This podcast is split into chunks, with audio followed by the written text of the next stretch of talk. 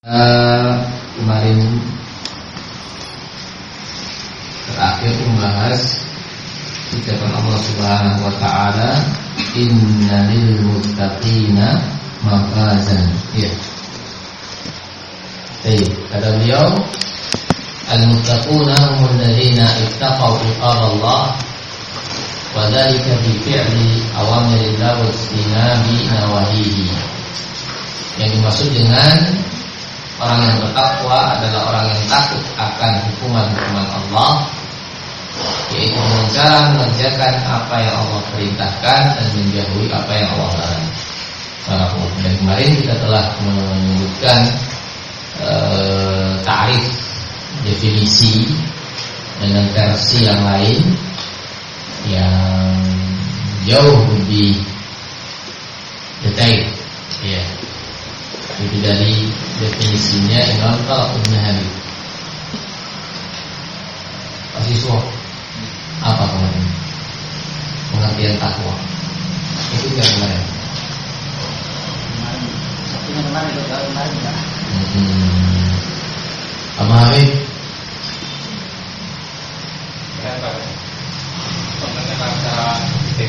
Nah, dari uh, versinya Talabun Nahabi yaitu menjalankan apa yang Allah perintahkan dengan kekhawatiran. Lupa Itu yang saya Pak kasih gitu Siapa namanya? Amin. Ya Mas Amin Melakukan Bukan namanya itu Yoko Yoko Yoko Yoko Abu Yoko Soleh. Hmm. Abu Soleh Yoko pendekar Abu Soleh saja Nah, Abu Soleh Maksud dengan takwa? melakukan amalan ketaatan di atas ilmu dan mengharap pahala dari Allah Hmm. dan engkau meninggalkan kemaksiatan kepada Allah berdasarkan cahaya dari Allah Hmm. terus itu kata enggak ngertinya Apa sambungannya? Amin meninggalkan kemaksiatan karena Allah dan menuju jalan Allah. Dua yang ketiga itu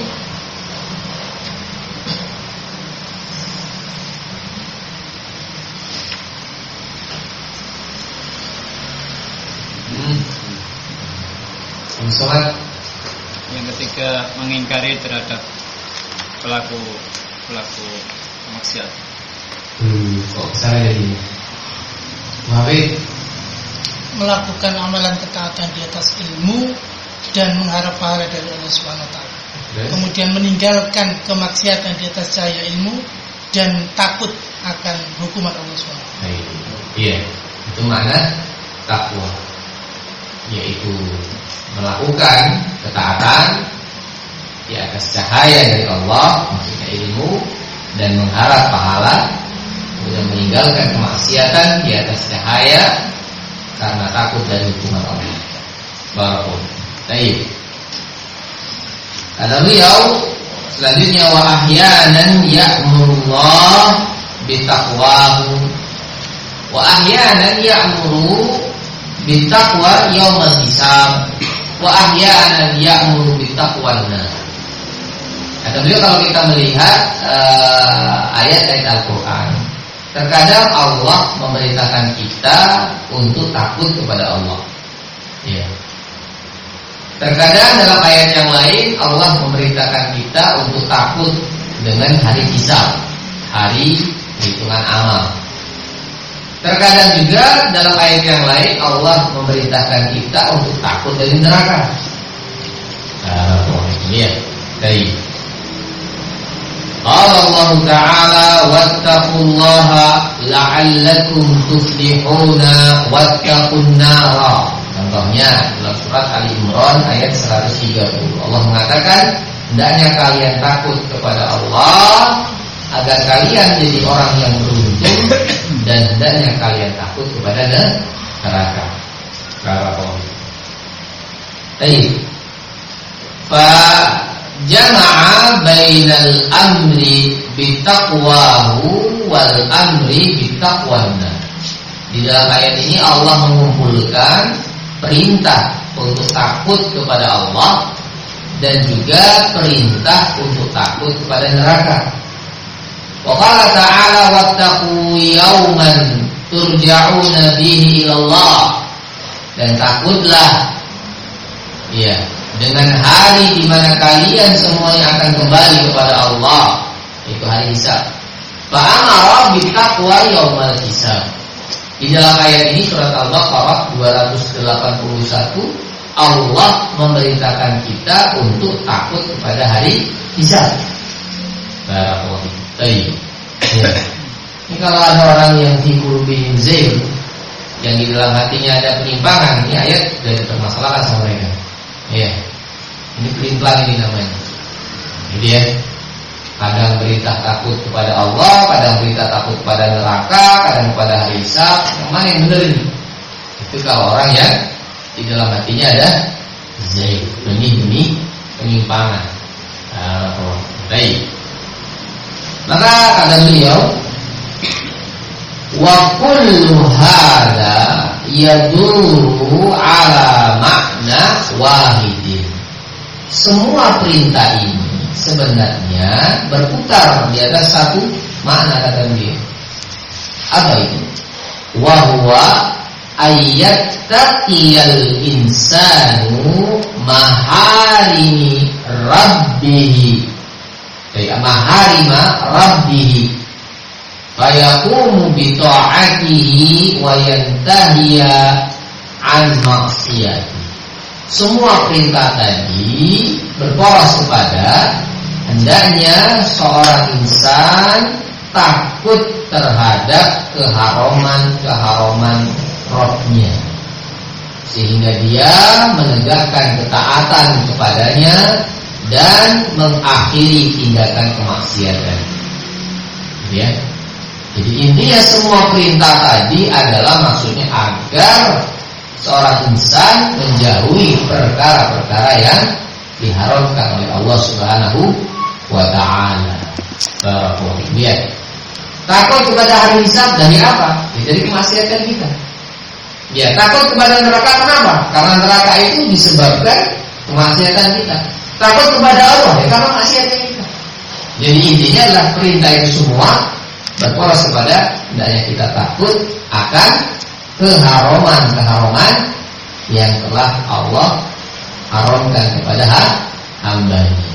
Ya Kalau kita tidak melakukan keharuman, kalau kita melakukan tidak melakukan perkara yang Allah larang, ya kita tidak perlu takut kepada Allah karena Allah tidak akan murka. Begitu juga kita tidak perlu takut kepada neraka karena tidak ada pelanggaran yang kita lakukan. Begitu juga tidak takut kepada hari hisab karena kita merasa tidak melakukan ke kesalahan. Jadi ya, sehingga perintah tadi semua yang berporos kepada apa? Maksudnya lah hendaknya seorang hamba itu takut dengan keharuman-keharuman Allah Subhanahu wa taala. Barakallahu. Ya. Dan jangan menganggap remeh setiap perkara keharuman-keharuman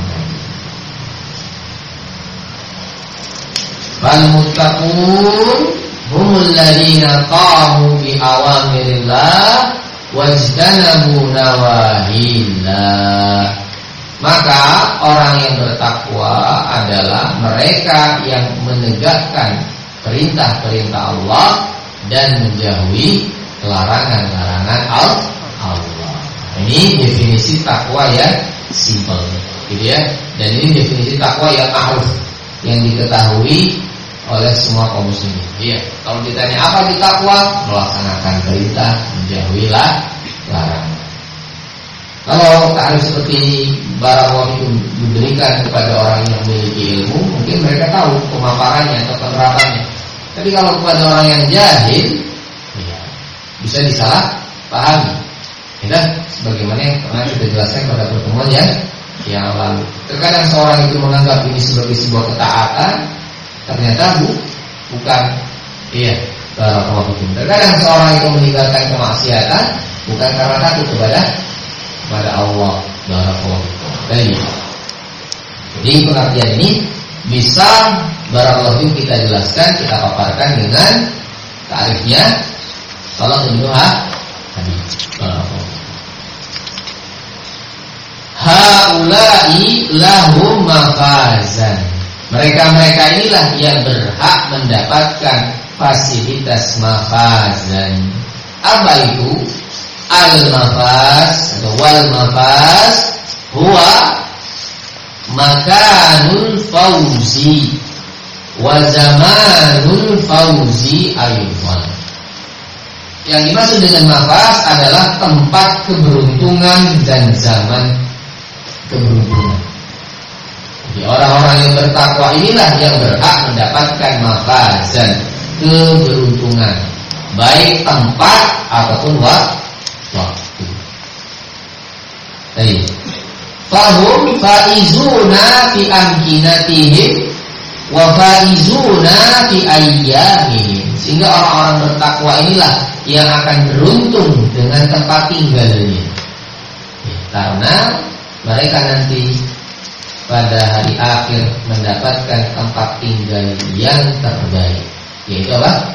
surga beruntung mereka dengan tempat tinggal tersebut dan mereka beruntung dengan apa? hari-hari yang mereka lalui semuanya diisi dengan ke kebahagiaan, kegembiraan para di situ tidak ada kesedihan tidak ada gundah gulana ya semuanya yang jelek-jelek nggak ada sudah hari-hari di dalam jannah.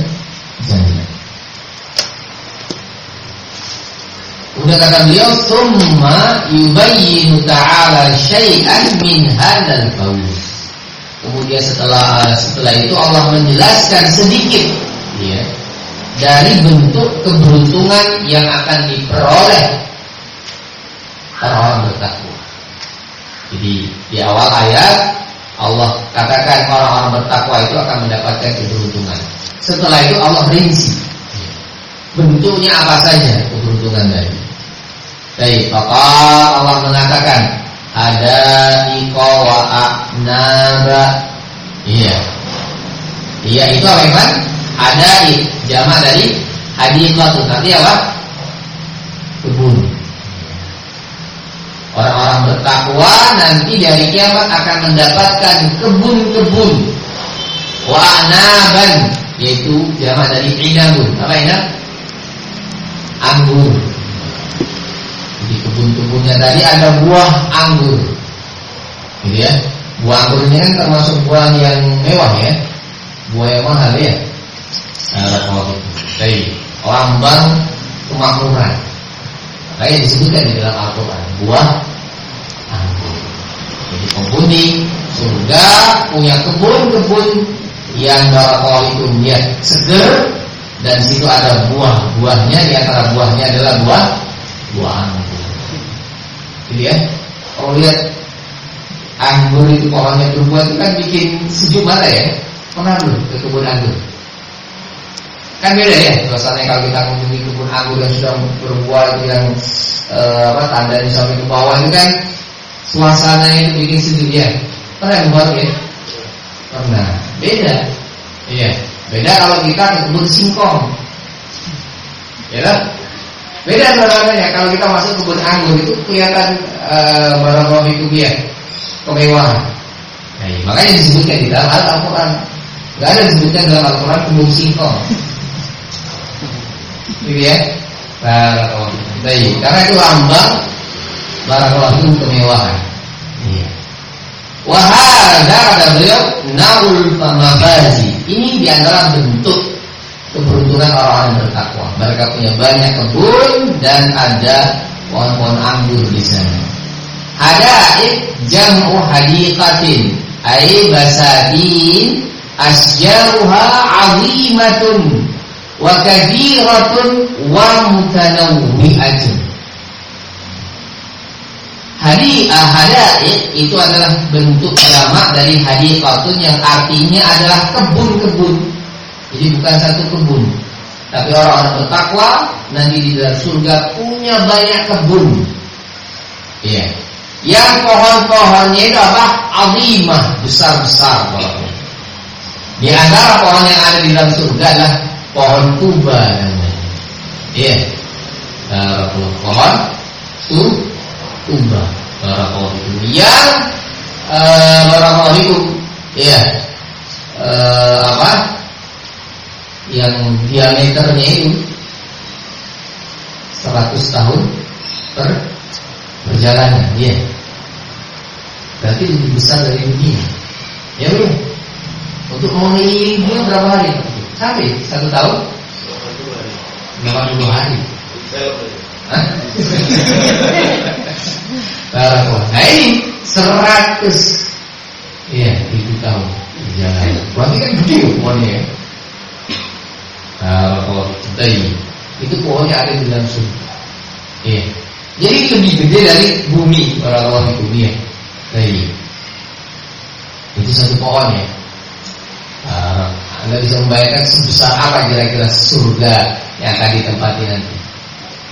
Karena memang juga nanti manusia ketika di sana juga berubah fisiknya ya. Standar semuanya berapa? Berapa ya? Berapa tinggi ahli jannah itu dalam hadis? Berapa sih? Berapa? Berapa meter? Setinggi pohon Kelapa. Oh nih. Wah bisa. Gak pakai pohon ukurnya, karena pohon itu kan relatif ya. Ada yang panjang, ada yang pendek, yaitu 60 hasta. Berapa berapa? Satu hasta itu segini setengah meter. Berarti kira-kira 30 meter tingginya manusia. Penghujanya. Kan besar ya raksasa ya. Hingga ya pantas juga kalau pohon-pohonnya di sana juga besar-besar. Ini ya. Karena manusianya sendiri sudah berubah kembali ke penciptaan awal. Manusia itu penciptaan makin lama menyusut, menyusut, menyusut, menyusut, menyusut, kecil-kecil ya. Kalau itu. Nanti ketika hari kiamat kembali lagi. Iya. Sempurna seperti uh, nenek moyang mereka yaitu Nabi Adam 60 hasta sekitar 30 meteran. Baik. Iya. Jadi di sana itu kata beliau ada kebun-kebun yang pohon itu sangat besar dan banyak bulannya, rindang. Kemudian apa? Mutanawiyah jenisnya juga banyak. Barakallahu Semuanya ada. Pohon yang ada di dalam dunia ini ada semua di dalam jannah. Pohon apa? Hah? Pohon jati, pohon meranti, pohon lagi? Mahoni, iya, ada. Semuanya ada. Barakallahu fiik. Wa a'naban al-a'nab jam'u inan. Iya, a'nab itu adalah bentuk jamak dari inab, itu anggur. Wa hiya min jumlatil hada'iq dan anggur ini sebenarnya masuk dalam kategori kebun-kebun tadi. Artinya di situ ada kebun anggur.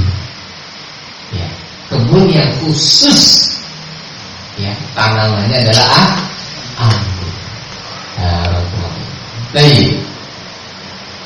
Lakin khassaha bidzikri li syarabiha. Tetapi di sini Allah mengkhususkan penyebutannya karena kemuliaannya.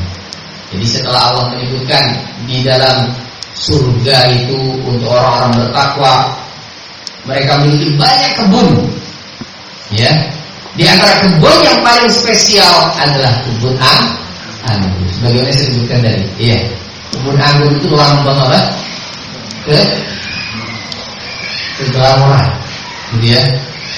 Lambang dari kesuburan. Gitu ya. Lambang dari barakallah itu ingin eh, kekayaan. Kebun anggur itu kebun yang mulia. Kemudian selanjutnya Nah ini yang bikin bapak-bapak terdiri. Baik. Wakawa'iba asraban. Nah, ini repot terjemahan. Baik, di dalam surga ada kawaib asrab. Al kawaib ini bikin cemburu nanti. Al-kawaid jam'u ka'ibin wa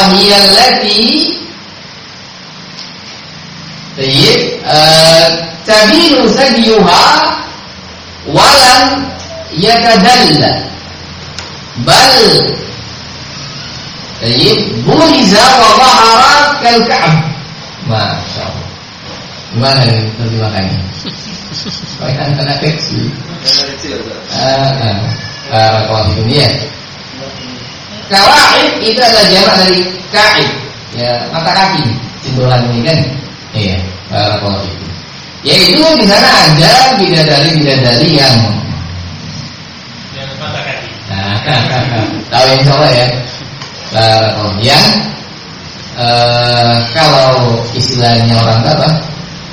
Hah? Ya, itu dia. Ya, barakallahu fikum. Sehingga muncul ya seperti mata kaki dan tidak akan pernah tenggelam atau tepis. Barakallahu fikum. Baik. Ma yakunu fi jamal sabr. Kata beliau dan ini adalah sisi kesempurnaan dari sabr seorang wanita. Tahu ya? Dari wanita itu ya di antara poin yang membuat spesial yang satu ini. Karena di dalam Al-Quran diungkapkan. Iya. Barakallahu Baik. Atraban Tadi setelah Al-Quran mengungkapkan bagaimana kesempurnaan fisiknya bidadari-bidadari surga Masuk dalam kategori ayat ini juga adalah wanita-wanita surga. Secara fisik seperti itu. Para itu dalam hadis yang lain Ya banyak diungkap. Gitu ya. Itu kan satu bagian tubuh. Iya. Ada bagian-bagian yang lain yang diungkapkan dalam hadis ulama itu dibaca di sana. Baik, iya. Nanti bikin bapak-bapak pada ngiler nanti. Allah usaha. Kalau iya, baik. Tapi jangan khawatir ya ibu-ibunya, gitu ya. Jangan khawatir kalau juga dia termasuk ahlu jannah akan ketemu dengan suaminya dan kualitasnya jauh lebih hebat daripada bidadari. Gitu ya. Kalau bidadari aja seperti itu digambarkan kecantikan dan kesempurnaan fisiknya, wanita-wanita surga levelnya jauh lebih daripada bidadari. Nah, jangan khawatir suaminya berpindah ke lain hati, jangan khawatir itu. Ya, insya Allah Anda lebih baik daripada bidadari tadi. Yang penting masuk surga itu saja ya syaratnya. Barakallahu. Baik. Eh, kata beliau, akraban ai ala sinnin wahidatin la takhtalifu ihdahunna 'anil ukhra. Iya, barakallahu fikum. Ibran atau kabran karena di nisa'i dunia. Maksudnya akrab adalah e, dengan usia yang sama. Ya. Salah satu dari wanita surga tidak berbeda dengan wanita yang lain usianya dan ketuaannya sama semua. Ya. Usia usia terbaik. Barakallahu Baik. Tidak seperti wanita-wanita di dunia Barakallahu itu mereka apa? Memiliki perbedaan usia. Walaupun mungkin kecantikannya sama, tapi bedanya ada perbedaan usia gitu ya untuk wanita-wanita surga entah itu beda darinya atau yang akan menjadi tuannya wanita usianya sah sama. Dia. Di usia yang matang di usia yang terbaik di usia di mana para itu eh, kecantikan wanita itu sempurna. Nah, iya. Baik. Sehingga eh, jangan khawatir. Iya. Ada yang lebih muda atau ada yang lebih tua, gitu ya.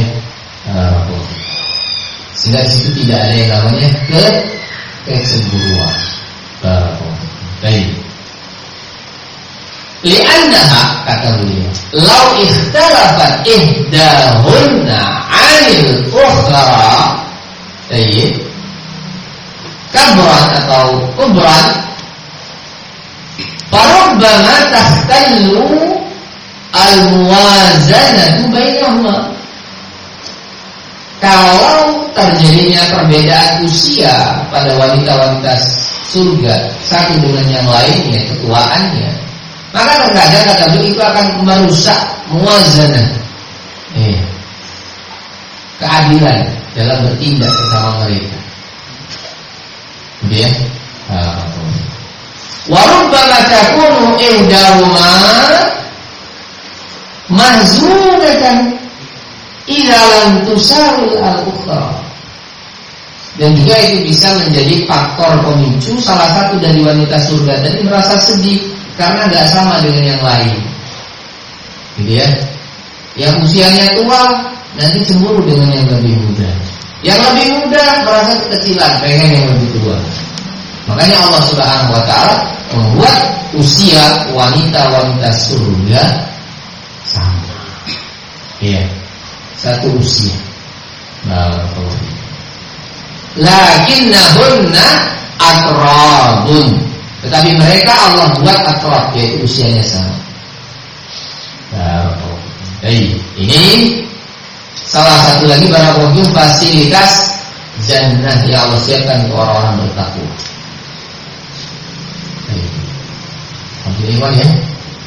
Sehingga barakallahu eh, iya kepada kaum muslimin iya Jangan sampai mereka terlena ataupun tergoda dengan kecantikan-kecantikan wanita dunia. Iya. Entah itu dengan fisiknya, entah itu dengan wajahnya, itu fitnah bagi kaum laki-laki. Ya, ya? Iya. Makanya Islam memerintahkan e, pemeluknya untuk menjaga pandangan, tidak mengumbar pandangannya. Para itu dia. Qul lil mu'minina yaghuddu min absarihim wa yahfadhu furujahum. Dari azkar.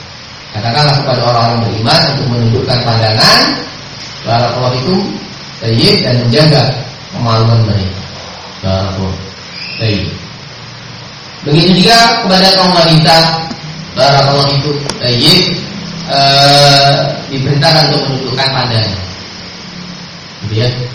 Dan dari sini Barakallahu itu e, juga kita mendapatkan apa faedah ya bagi para suami atau para istri yang merasa gak puas dengan pasangannya.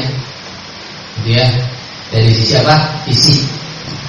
Wajah barakallahu fikum. Tayyib jangan barakallahu fikum ya merasa kecewa atau menyesal ya selama pasangan anda itu adalah seseorang yang bertakwa, baik, saleh atau salihah, jangan khawatir. Iya, sabarkan saja dari Anda menikmati pasangan Anda, ya. apa pun keadaan dia terima. Iya, nanti ketika di akhirat mereka akan berubah jadi wanita yang Allah itu paling cantik Adapun yang suami akan berubah menjadi laki-laki yang paling paling tampan. Iya. Ya cuma berapa tahun, gitu ya. Anda hidup bersama dia paling 60 tahun atau 70 tahun, anggap 100 tahun. Kalau itu. Jadi kalau Anda mau bersabar, tidak melakukan keharaman, maka nanti ketika di dalam jannah Anda akan mendapatkan wujud asli dari pasangan Anda. Gitu ya. Baik, uh, oh, itu ujian. Uh, jangan tertipu dengan ah, wanita-wanita uh, fasik, laki-laki fasik dari kalangan orang-orang kafir ataupun orang-orang barakallahu itu yang uh, ahli maasi yang lain. Ya, mereka memang kelihatan tampan dan cantik ketika di dunia ini dan di akhirat barakallahu itu ya wajah mereka akan hitam, usang, jelek, bau. Barakallahu itu. Dan itu apa? Baik, dalam waktu yang yang lama. Iya. Itu hakikat yang namanya kecantikan dan ke ketampanan. Makanya Allah masukkan ya salah satu motivasi atau barakallahu poin yang bisa membuat ya orang-orang bertakwa barakallahu fikum istiqamah. Baik. Siapa? Bentar lagi, satu poin lagi. Wa ka'san bihar. Baik. Wa ka'san biharan. Ai ka'san mumtali'atan. Maksudnya adalah di dalam surga itu ada gelas-gelas yang terisi penuh. Jadi kita nggak usah repot-repot cari dispenser ya. Semua gelas itu sudah ada. Mau minum apa? Ya, susu, jahe, jus, semuanya sudah terisi. Dan dalam keadaan fresh. Apa fresh ya? Seger. Seperti baru dibuat. Gitu ya. Ini bukan minuman kemasan, bukan. Ya. Baik. Wal murad bil ka'si huna ka'sul khamr. Yang dimaksud dengan gelas di sini adalah gelas khamr. Ya, itu termasuk nanti minuman ahlul jannah. Dan uniknya itu Allah membuat aturan mereka-mereka yang meminum khamr di dunia nggak akan minum khamr sendiri. Yang sudah pernah nyicip ya, khamr dunia tidak akan mencicip khamr sendiri. Rugi. Ya. Kalau itu. Baik. Warubbama yakunu lil khamri wa ghairihi. Terkadang eh itu gelas-gelas tadi digunakan untuk khamr dan juga minuman yang lain. Li'annal jannata fiha karena memang di dalam surga itu ada anharun min ma'in ghairi asin wa anharun min labanin lam yataghayyar ta'muhu wa anharun min khamril ladzatin lisyaribina wa anharun min asalin musaffa. Masya Iya. Di surga juga banyak sungai-sungai. Barakallahu. Di surga itu ada sungai yang airnya itu asin. Asin itu bukan asin, tapi apa? Tawar maksudnya. Ya. Jadi di surga itu ada sungai yang airnya tawar. Barakallahu. Ada juga sungai susu. Ya, isinya susu. Lam yataghayyar ta'muhu yang tidak akan pernah berubah rasanya, tetap fresh. Beda dengan susu dunia. Jadi ya, satu jam saja Anda simpan tidak di dalam freezer sudah berubah baunya Pak ya. Nah, tapi sungai susu yang ada di surga tidak akan pernah berubah, tetap sudah seperti memeras pertama kali. Nah, dan di dalam surga ada sungai-sungai khamr yang lezat bagi orang yang meminumnya. Di dalam surga juga ada sungai madu. Tinggal milih. Ya. Manusia juga seleranya beda-beda ya. Ada yang nggak suka dengan macam-macam ya, senangnya air putih saja dikasih air manis, air sirup nggak mau gitu. Air apa pak? Air putih. Gimana itu sukanya dia air putih? Ada juga kamu manusia yang barang mau itu sukanya apa? Dengan air susu. Kalau ditanya, kalau bertemu, mau apa? Susu. Gitu ya. Barang Kadang juga ada yang suka dengan air madu. Barang ada juga yang air kah? Tinggal memilih barang Walakin kata beliau uh, yurja annaha al-khamru wahdaha. Tetapi pendapat yang diradikan gelas di sini adalah gelas khusus khamr. Ya, barakallahu fiik. Baik, wallahu taala alam bisawab. Itu sedikit barakallahu gambaran dari ayat ini terkait dengan fasilitas yang ada di dalam sur surga. Barakallahu fikum. Jadi kalau pengen jauh lebih lengkap infonya, ya, baca kitab apa? Kitab Hadil Arwah ila biladil afro. Wah itu makan di gua lain. Gitu ya. Tentang keadaan surga. Itu kitab yang bagus, ya, kitab yang bagus untuk apa? Memotivasi kita. Kemudian biar beriman apa? Baca juga kitab yang berisi tentang apa? akhbaruna ya tentang info terkait dengan neraka Barakallahu sehingga seorang daya akan berjalan apa?